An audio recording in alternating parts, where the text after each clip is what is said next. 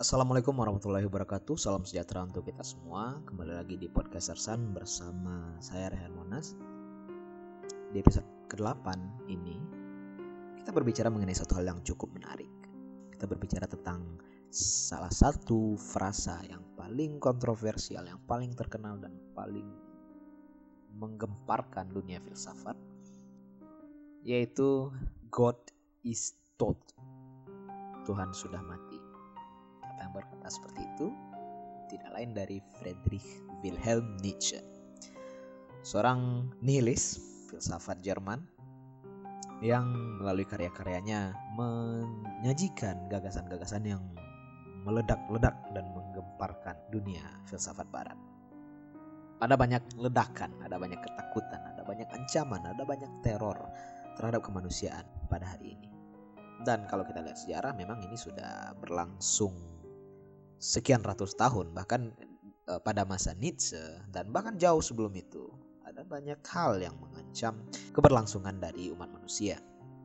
Mungkin dari banyaknya tragedi yang terjadi ini di sanalah muncul di dalam pikiran seorang Friedrich Nietzsche apakah Tuhan sudah mati sampai-sampai ia tak bisa mengendalikan dunia yang makin carut marut ini. Tuhan yang mana? Apakah Tuhan dalam Islam, apakah dalam Kristen, ataukah dalam Hindu, dalam kejawen, atau Tuhan konsepsi? Apakah semua kekacauan ini disebabkan oleh isi kepala kita? Apakah Tuhan itu benar-benar ada, atau itu hanya sebuah proyeksi dari imajinasi kita? Tapi kalau memang seandainya Tuhan merupakan zat yang berada di luar kekuasaan manusia, yang berada di luar bumi manusia ini, mengapa ada tokoh-tokoh filsuf yang intelektual yang menjadi seorang fanatis.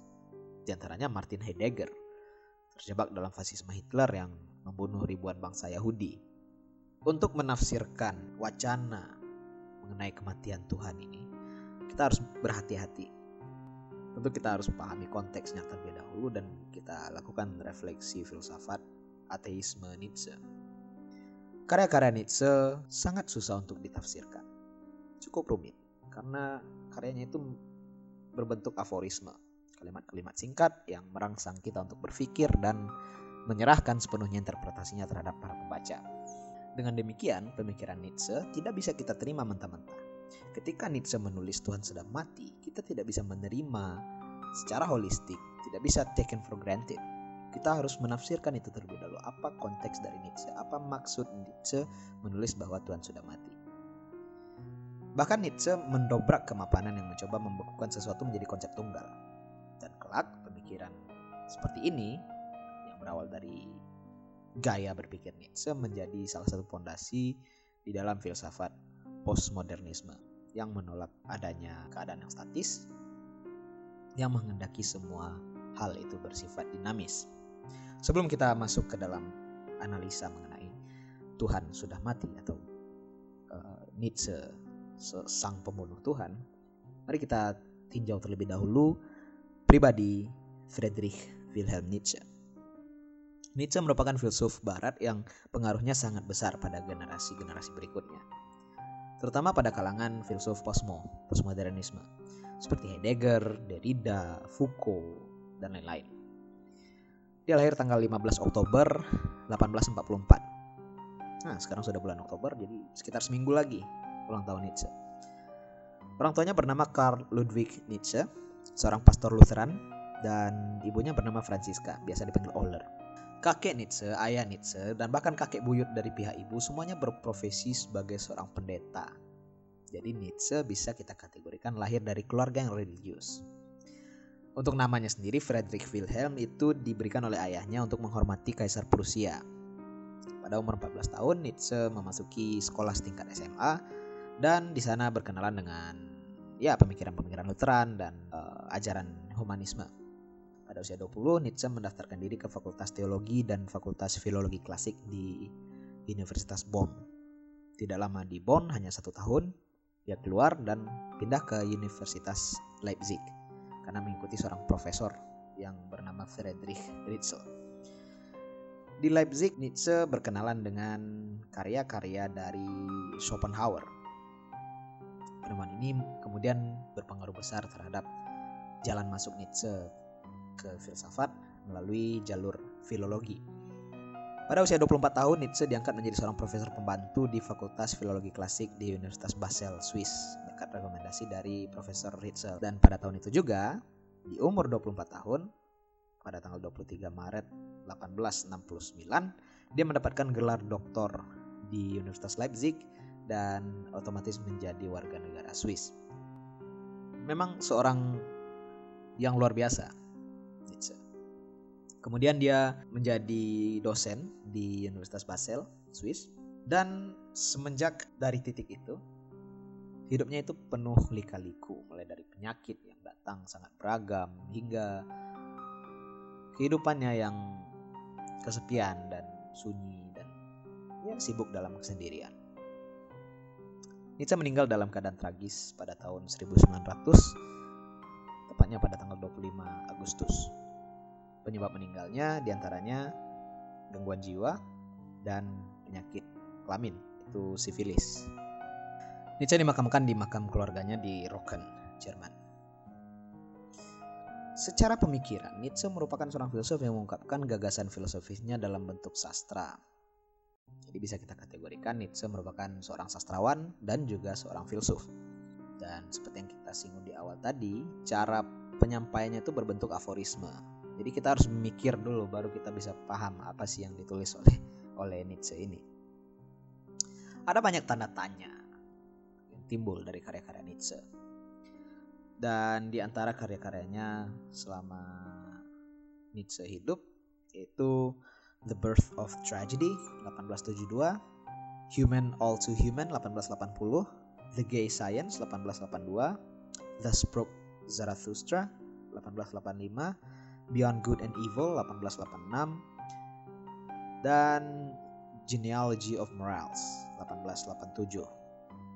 Karya terakhir Nietzsche yaitu Ecce Homo yang merupakan autobiografi yang ditulis 11 tahun sebelum dia meninggal dunia.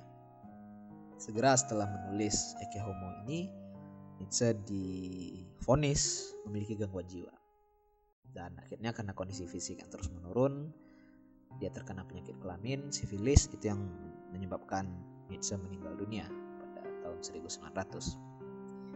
Nietzsche bisa kita katakan seorang filsuf yang lahir melampaui zamannya. Gayanya sangat khas yang menjadikan karyanya cukup sulit, cukup rumit untuk ditafsirkan. Hingga saat ini pemikiran Nietzsche masih merupakan satu topik yang cukup hangat untuk dibicarakan. Dan tidak ada habis-habisnya karena tafsir dari pemikiran Nietzsche bisa dikembangkan sesuai dengan zaman. Jadi karya-karya Nietzsche itu selalu relevan. Maka tidak berlebihan ketika dunia filsafat barat menganggap Nietzsche merupakan gempa bumi abad 19 karena gagasannya menggoncang dunia filsafat.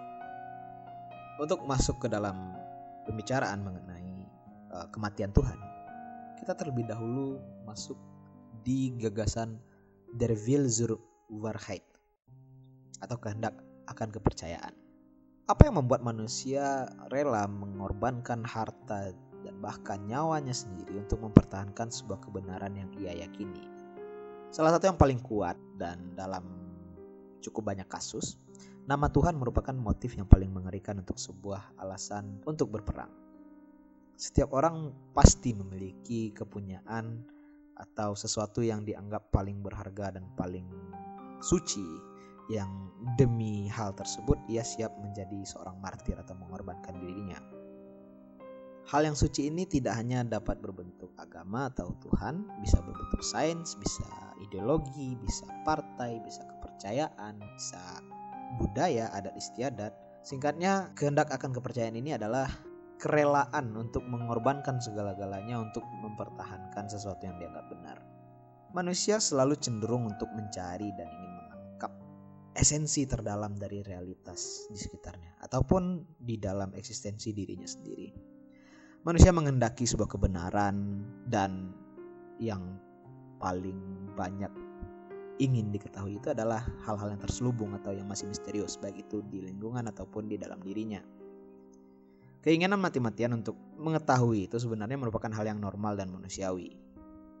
Tapi Dalam pandangan Nietzsche, hal tersebut bisa jadi sesuatu yang mematikan. Hal yang mematikan dari kehendak akan kebenaran ini menurut Nietzsche adalah aktivitas penyeragaman karena mengandung bahaya penghilangan keberagaman yang partikular. Artinya memiskinkan realitas, jadi hanya tinggal satu sudut pandang yang berlaku. Menurut Nietzsche, realitas adalah chaos. Realitas itu berantakan, sehingga kita tidak dapat mengatakan apa-apa terhadap realitas dan kita tidak bisa mengatur realitas itu sesuai dengan kehendak kita sendiri atau keyakinan kita sendiri. Realitas itu dinamis, terus bergerak. Dari sinilah Nietzsche berpendapat bahwa perang adalah inti dari realitas. Jika berhenti pada satu titik, sebenarnya telah mengkhianati realitas yang senyatanya terus bergerak. Perang di sini bukan sebagaimana perang yang tembak-tembakan atau mengeluarkan darah, tetapi benturan-benturan eksistensial antara diri si subjek dengan lingkungannya, dengan konsep lain ataupun pria lain di luar ataupun di dalam dirinya sendiri. Dengan demikian realitas tidak pernah diam dan tidak pernah berhenti pada satu titik tertentu.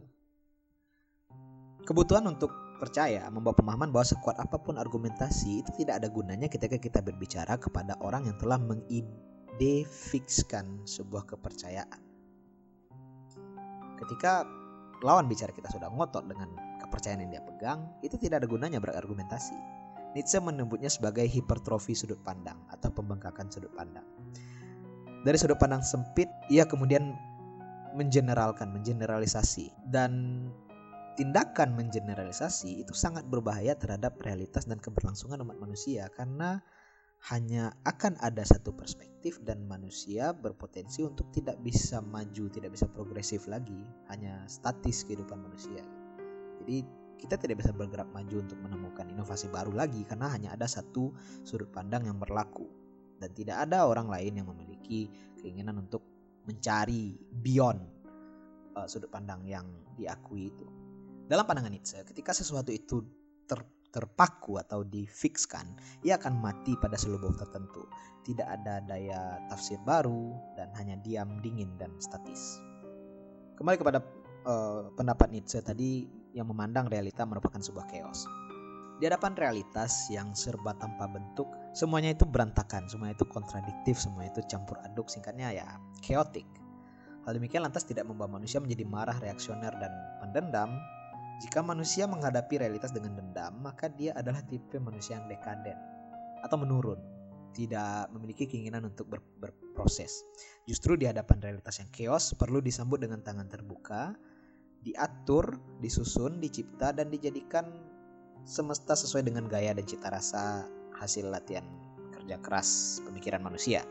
Artinya setiap orang menghadapi realitas dengan gaya ascendant atau menaik berbanding terbalik dengan gaya dekaden yang cenderung reaksioner dalam menghadapi realitas, yang cenderung menghancurkan, yang cenderung kontra terhadap pemikiran-pemikiran baru. Ketika gaya ascendant menjadi sebuah sudut pandang dalam menghadapi realitas, yang terjadi adalah adanya timbul sifat rendah hati dan tahu diri. Seseorang akan tahu realitas sangatlah dalam dan tak akan pernah habis dalam menggapai kedalaman realitas. Ia tidak berhenti pada satu titik dan memahami realitas dan menerima sebagai mana apa adanya, sehingga tidak terjebak di dalam ide fix tadi. Dalam terminologi Nietzsche, secara singkat dapat dikatakan kehendak kuasa atau the will to power menempatkan diri di dalam dorongan dominasi diri, penguasaan diri yang selalu terekspresikan dalam dayanya untuk memberi kosmos pada realitas yang keotik di hadapannya. Kemudian dorongan seperti itu tidak akan pernah berhenti, akan melupakan yang lama untuk menciptakan sebuah masterpiece yang baru. Dari sinilah doktrin kekembalian yang sama secara abadi yang merupakan salah satu gagasan Nietzsche.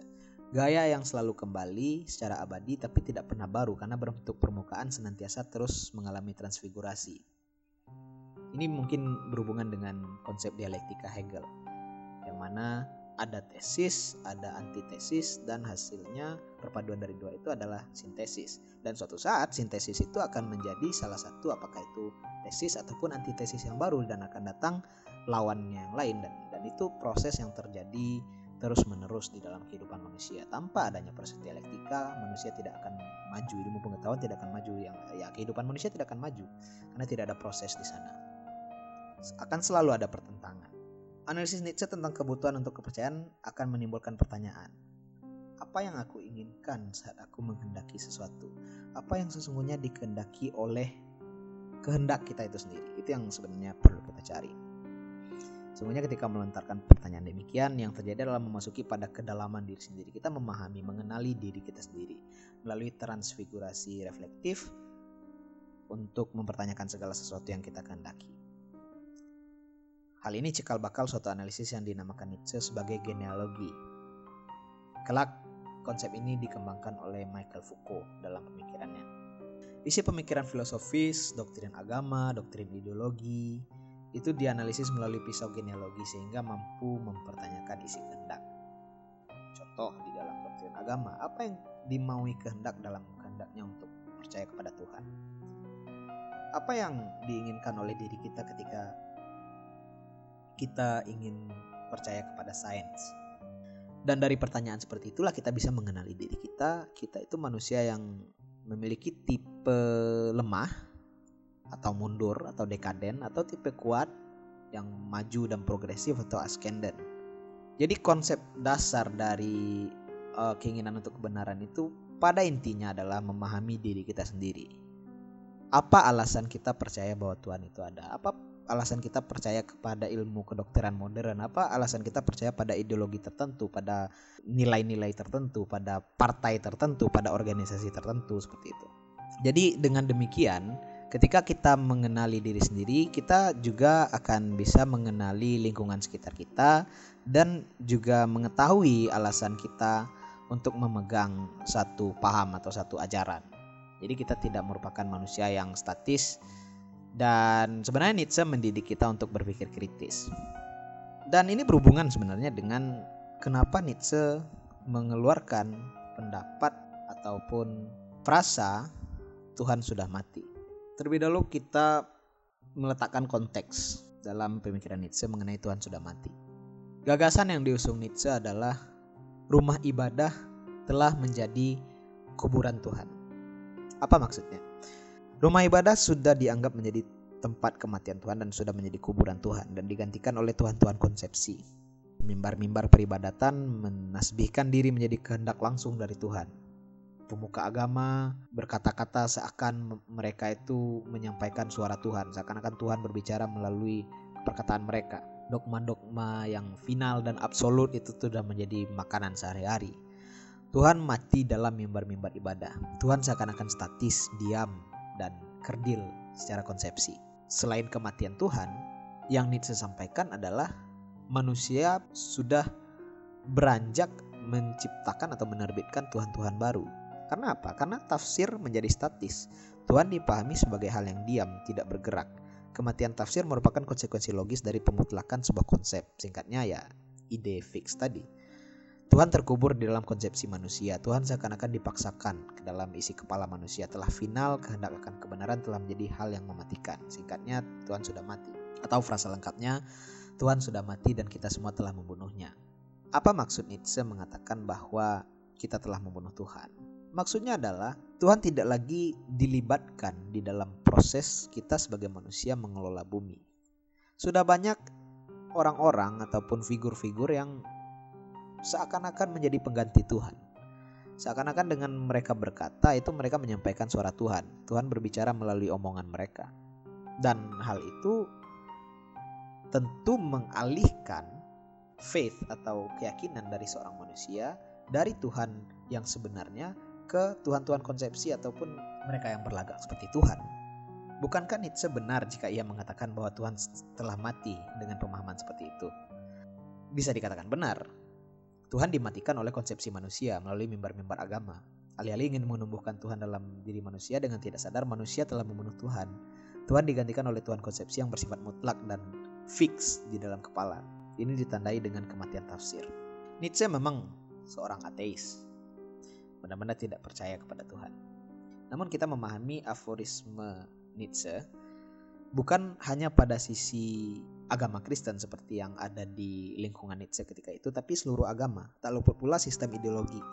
Mimbar-mimbar di rumah peribadatan telah menjadi dogma-dogma kepentingan. Mungkin teman-teman ingat ada banyak kasus terorisme, kasus pembunuhan atas nama agama. Itu hasil dari mimbar-mimbar dogma agama yang dimutlakkan. Tuhan menjadi alasan yang kuat untuk berperang. Kehendak yang tak stabil menyandarkan diri secara mutlak kepada yang ter yang transenden. Singkatnya, kehendak mati-matian akan kebenaran dan kebenaran itu diambil alih oleh figur-figur yang berlagak seperti Tuhan. Apakah benar Tuhan memerintahkan manusia untuk saling membunuh? Dan karena keinginan untuk mencari kebenaran itu adalah sifat alami manusia, menjadi sangat bahaya ketika aku sama sekali tidak ingin salah. Saya benar dan situ salah. Jadi pemahamannya seperti itu. Ketika orang memuja sebuah kebenaran, Nietzsche memperlihatkan jangan-jangan di sana terdapat insting gerombolan kaum bingung yang mencari-cari pegangan buat diri mereka sendiri. Alih-alih melestarikan kebenaran akan terbukti bahwa mereka justru mempertontonkan kekosongan kebenaran pujaan tersebut. Mengapa? Karena mereka membumi hanguskan realitas. Penafsiran itu tidak ada peluang lagi untuk berpikir kritis, tidak ada peluang lagi untuk antitesis di sana sehingga yang ada itu hanya tesis tunggal, tidak ada sintesis di sana dan tentunya pemikiran seperti itu tidak akan bisa menjadikan manusia ini makhluk yang ascendant atau yang berprogres. Jadi kalau kita ambil kesimpulan, Tuhan sudah mati menurut pendapat Nietzsche adalah sebuah kritik, kritik terhadap orang-orang yang menyalahgunakan nama Tuhan, yang menyalahgunakan posisi kedudukan mereka. Ini tidak hanya terjadi di bidang agama, tapi di ideologi juga seperti itu, mengaku sebagai orang yang paling benar dan dan menetapkan standar yang harus dipakai oleh orang lain. Sementara naluriah manusia seperti yang sudah dijelaskan oleh Nietzsche, manusia yang ascendant itu seharusnya memiliki semangat untuk dinamis, untuk selalu mengintrospeksi diri, merevisi, dan menemukan inovasi-inovasi baru untuk kehidupan yang lebih baik. Jadi berprogres, tidak statis. Orang-orang yang berlagak seperti Tuhan ini menetapkan standar yang statik yang menghambat orang lain untuk memberikan kontra argumen. Nietzsche merupakan filsuf yang kontroversial. Tidak ada bantahan di sana. Karya-karyanya dipenuhi dengan aforisme yang menggugah untuk berpikir dan ditafsirkan ulang. Gaya filsafatnya bercorak membongkar, tidak pun tidak mudah dipahami oleh zamannya. Pada abad ini Nietzsche telah membuka tabir-tabir dan mengilhami kelahiran corak filsafat postmodernisme yang bersifat membongkar itu. Pemikiran akan kehendak menjadi sebuah alat untuk memahami diri kita sendiri. Dan inilah jalan untuk memahami pemikiran Nietzsche dengan merefleksikan dan mengenal diri kita sendiri. Jadi kita harus mengenal diri kita sendiri, kita harus selami diri kita sendiri untuk memahami maksud yang disampaikan oleh Nietzsche. Karena ya inti yang disampaikan oleh Nietzsche adalah kenali dirimu dan ambil kesimpulan dan berlakulah sebagaimana naluri dasarmu. Nietzsche tak segan-segan mengkritik sesuatu yang setelah difikskan dan dimutlakkan dalam satu konsep tunggal. Karena Nietzsche pula lah kita dapat memahami bahwa secara ontologis realitas itu sangatlah dalam. Nietzsche ingin memberitahu bahwa hidup adalah pencarian tanpa ujung. Ia ingin berkata bahwa teruslah berjalan dan jangan berhenti. Ketika telah berhenti, semuanya sudah berakhir. Maka dari itu, ketika penafsiran manusia terhadap Tuhan ataupun pandangan manusia terhadap Tuhan sudah statis, sudah berhenti, tidak ada lagi penafsiran baru di sana. Di saat itu juga Tuhan sudah mati karena tidak memiliki pengaruh lagi dalam kehidupan manusia karena sudah ditetapkan dan sudah diganti dengan Tuhan-Tuhan baru Tuhan-Tuhan konsepsi itu atau orang-orang yang berlagak seperti Tuhan jadi secara tidak langsung ketika Nietzsche mengatakan Tuhan sudah mati itu yang sebenarnya kita yang sudah mati manusia yang sudah mati kita mati dalam kehidupan dan satu pertanyaan setelah kita membahas hal ini beranikah kita menjadi diri kita sendiri secara otentik dan melakukan pencarian secara terus-menerus hingga titik terakhir nanti pada saat kita musnah dalam jalan pencarian itu. Jawabannya diserahkan kepada teman-teman sersan pendengar semua. Baiklah, terima kasih sudah mendengarkan podcast kali ini tentang Nietzsche, sang pembunuh Tuhan. Tetap semangat, tetaplah jujur kepada diri sendiri, dan selalulah senantiasa berproses dan lakukanlah pencarian terus-menerus hingga akhirnya nanti. Saya Ryan Manas undur diri, salam sejahtera, panjang umur hal-hal baik.